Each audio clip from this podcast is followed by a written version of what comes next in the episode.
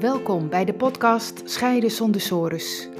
Ik ben Annewieke van der Boom en ik begeleid mensen die op het punt staan te scheiden en bang zijn voor een financieel drama, verlies van contact met je kinderen en eindeloze discussies met hun partner naar een nieuwe situatie waarin je meer quality time hebt met je kinderen, weer respectvol en ontspannen met je partner kunt communiceren en weer financiële duidelijkheid hebt.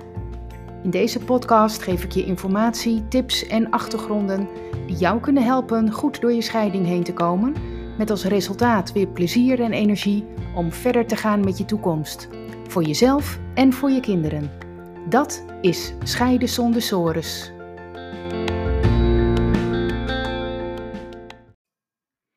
Wat doe jij als je partner de scheiding steeds wil uitstellen en jij eigenlijk wel wilt starten om alles te gaan regelen? Nou, die vraag krijg ik heel vaak en daar maak ik er nu een uh, podcast over.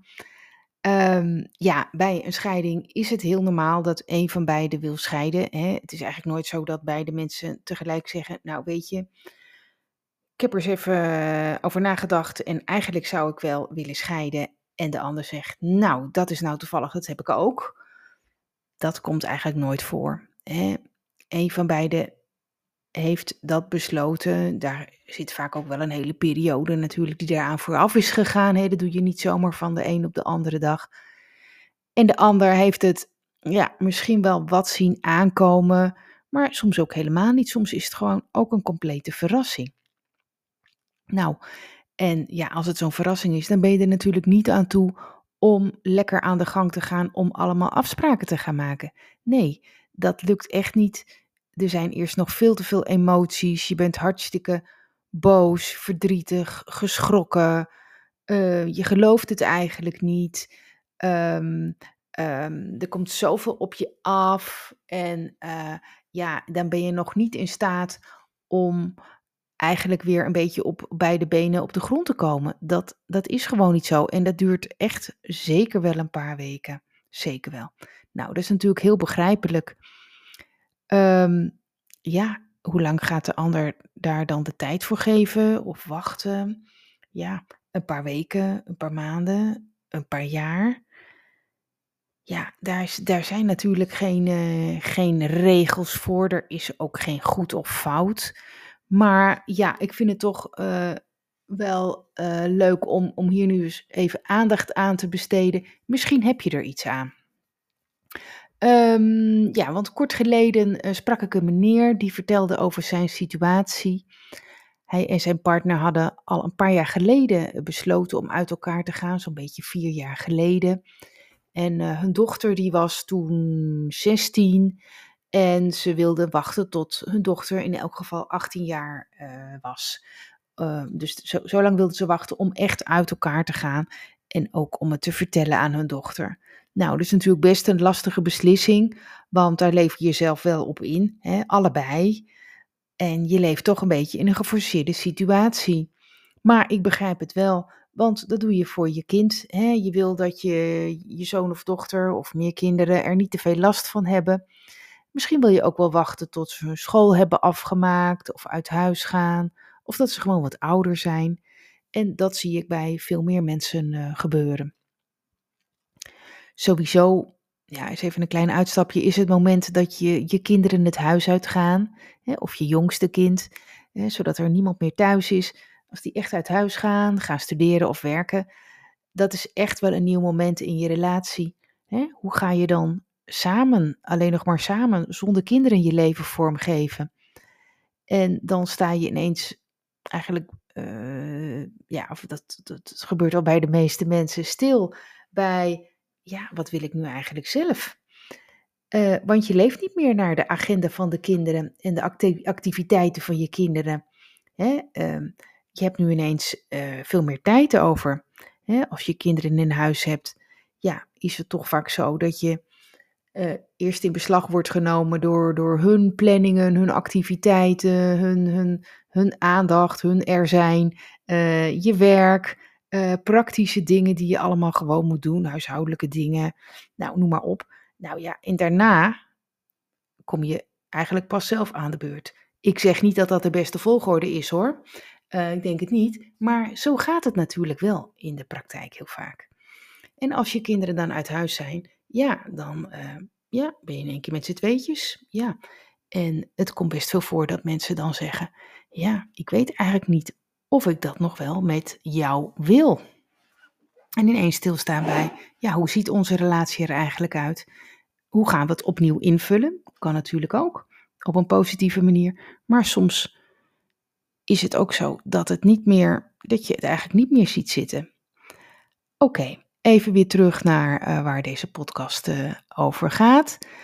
Um, nou, dan is dus de beslissing gevallen dat je uit elkaar gaat, maar je neemt wel de beslissing om nog een paar jaar te gaan samenwonen.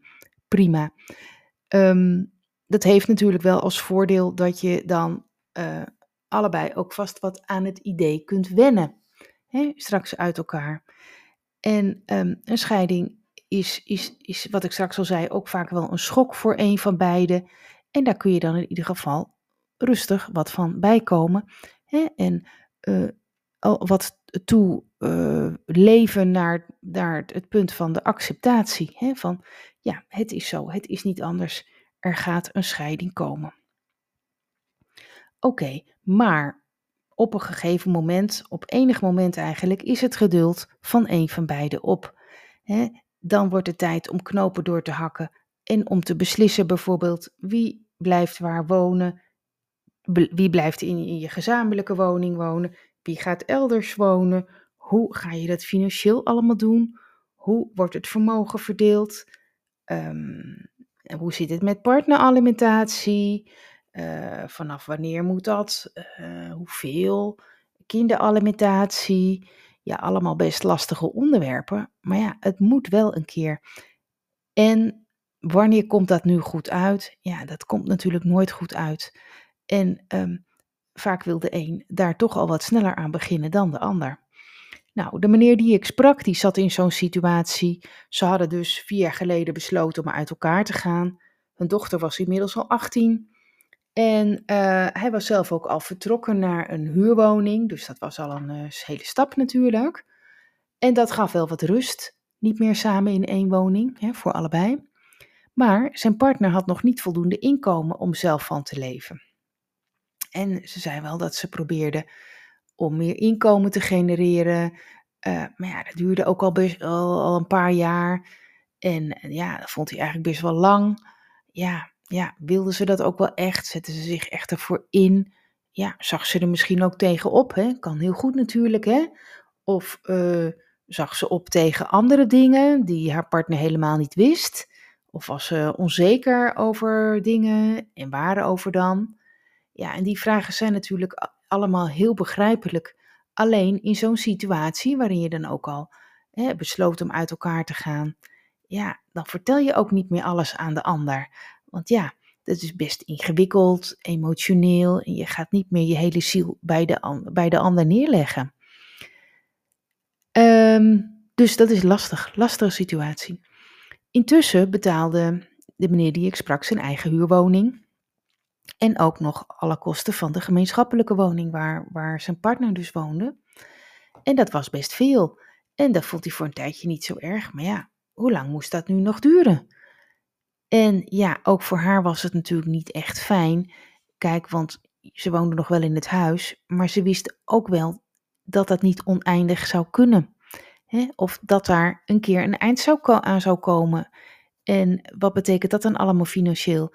Ja, en dat schoof ze toch wat voor zich uit. Een klein beetje de kop in het zand steken. Um, ja, wat ook wel begrijpelijk is. Alleen, ja, wat doe je dan? Nou, ze kwamen toch bij mij en starten de mediation. En toen konden ze allebei goed en rustig aan elkaar vertellen wat ze belangrijk vonden en waar ze tegenaan liepen bij, uh, bij de situatie en bij de ander. En ze konden ook hun vragen aan elkaar stellen op een rustige manier. En ze gaven, ja, daar waren ze ook gewoon bereid om, over, om, over, om dat gewoon rustig aan elkaar te vertellen. En dat gaf al helderheid en daarna lukte het ook om stap voor stap op alle onderdelen afspraken te maken met bedragen, met termijnen, met een tijdsplan. En dat gaf hun allebei rust en duidelijkheid. Ja, het tempo van een scheiding moet je natuurlijk zelf bepalen, zei ik straks al. het is niet zo dat het ene beter is dan het ander. Moet het nou sneller, langzamer? Nee, ehm, het gaat erom dat je keuzes maakt die passen bij jezelf. en als je merkt dat je geduld opraakt, dan kun je dat aan je partner voorleggen en vragen of die bereid is om mee te gaan naar de mediator. En dan kun je ook aangeven dat daar ook alle ruimte is voor de wensen en het tempo van, uh, van hem of haar. en dat helpt soms de ander om de stap naar de, mediator, naar de mediator te maken, want dat is ook best een grote stap. Ja, dat was wat ik graag met je wilde delen. Um, succes bij het kiezen van je eigen weg en je eigen tempo. Als je meer wilt weten hierover of als je een vraag hebt over je situatie, uh, bel um, mij gewoon even, dan uh, kunnen we er even over sparren. Uh, gewoon even telefonisch. Um, je kunt ook samen met je partner, als je zover bent, een kennismakingsgesprek bij mij plannen. En dat is altijd vrijblijvend en ook kosteloos. En de gegevens vind je op mijn website en dat is annewiekebemiddeld.nl. Bedankt voor het luisteren.